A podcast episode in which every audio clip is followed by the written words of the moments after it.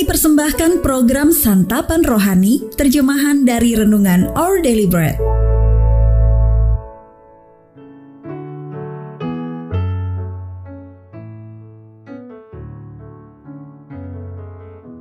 Sahabat ODB, pembacaan Alkitab hari ini terambil dari kejadian pasal yang ketiga ayat yang ke-8 sampai dengan ayat yang ke-13.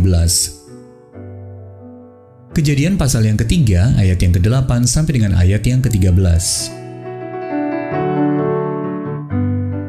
Ketika mereka mendengar bunyi langkah Tuhan Allah yang berjalan-jalan dalam taman itu pada waktu hari sejuk, bersembunyilah manusia dan istrinya itu terhadap Tuhan Allah di antara pohon-pohonan dalam taman.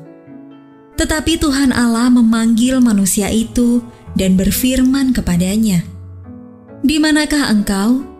Ia menjawab, "Ketika aku mendengar bahwa engkau ada dalam taman ini, aku menjadi takut karena aku telanjang.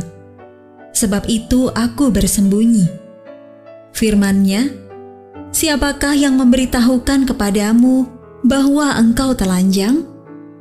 Apakah engkau makan dari buah pohon yang kularang engkau makan itu? Manusia itu menjawab, "Perempuan yang kau tempatkan di sisiku, dialah yang memberi dari buah pohon itu kepadaku, maka ku makan." Kemudian berfirmanlah Tuhan Allah kepada perempuan itu, "Apakah yang telah kau perbuat ini?" Jawab perempuan itu, Ular itu yang memperdayakan aku, maka ku makan.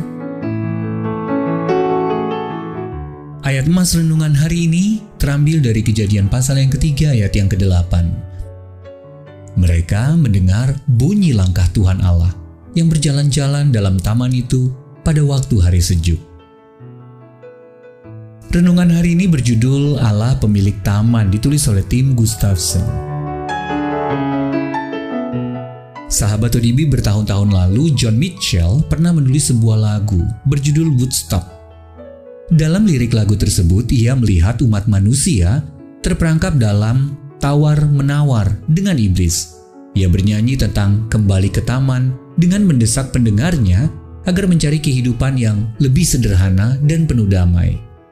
Mitchell menyuarakan sebuah generasi yang merindukan makna dan tujuan.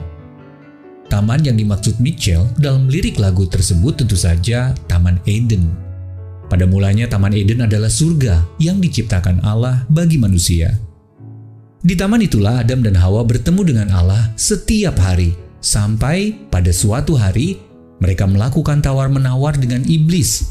Kita bisa baca dalam kejadian pasal 3 ayat 6 7. Hari itu menjadi sangat berbeda Ketika mereka mendengar bunyi langkah Tuhan Allah yang berjalan-jalan dalam taman itu pada waktu hari sejuk, bersembunyilah manusia dan istrinya itu terhadap Tuhan Allah di antara pohon-pohonan dalam taman. Ketika Allah bertanya apa yang telah mereka perbuat, Adam dan Hawa pun melemparkan kesalahan mereka kepada pihak lain. Meski mereka menyangkal Allah tidak membiarkan mereka begitu saja, dia membuat pakaian dari kulit binatang untuk manusia dan untuk istrinya itu, lalu mengenakannya kepada mereka. Sebuah pengorbanan yang mengisyaratkan kematian yang akan ditanggung Yesus untuk menutupi dosa-dosa kita.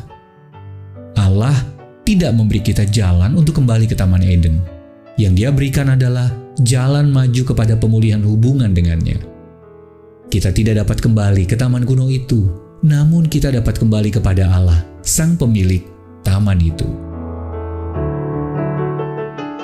Sahabat ODB, apa yang sedang menghalangi Anda dari Allah hari ini? Apa yang perlu Anda akui kepadanya agar dapat kembali berjalan bersamanya? Ya Bapak tolong aku untuk tidak menyalahkan orang lain atas kesalahan dan kegagalanku. Aku bersyukur karena aku boleh jujur di hadapanmu dalam relasiku denganmu.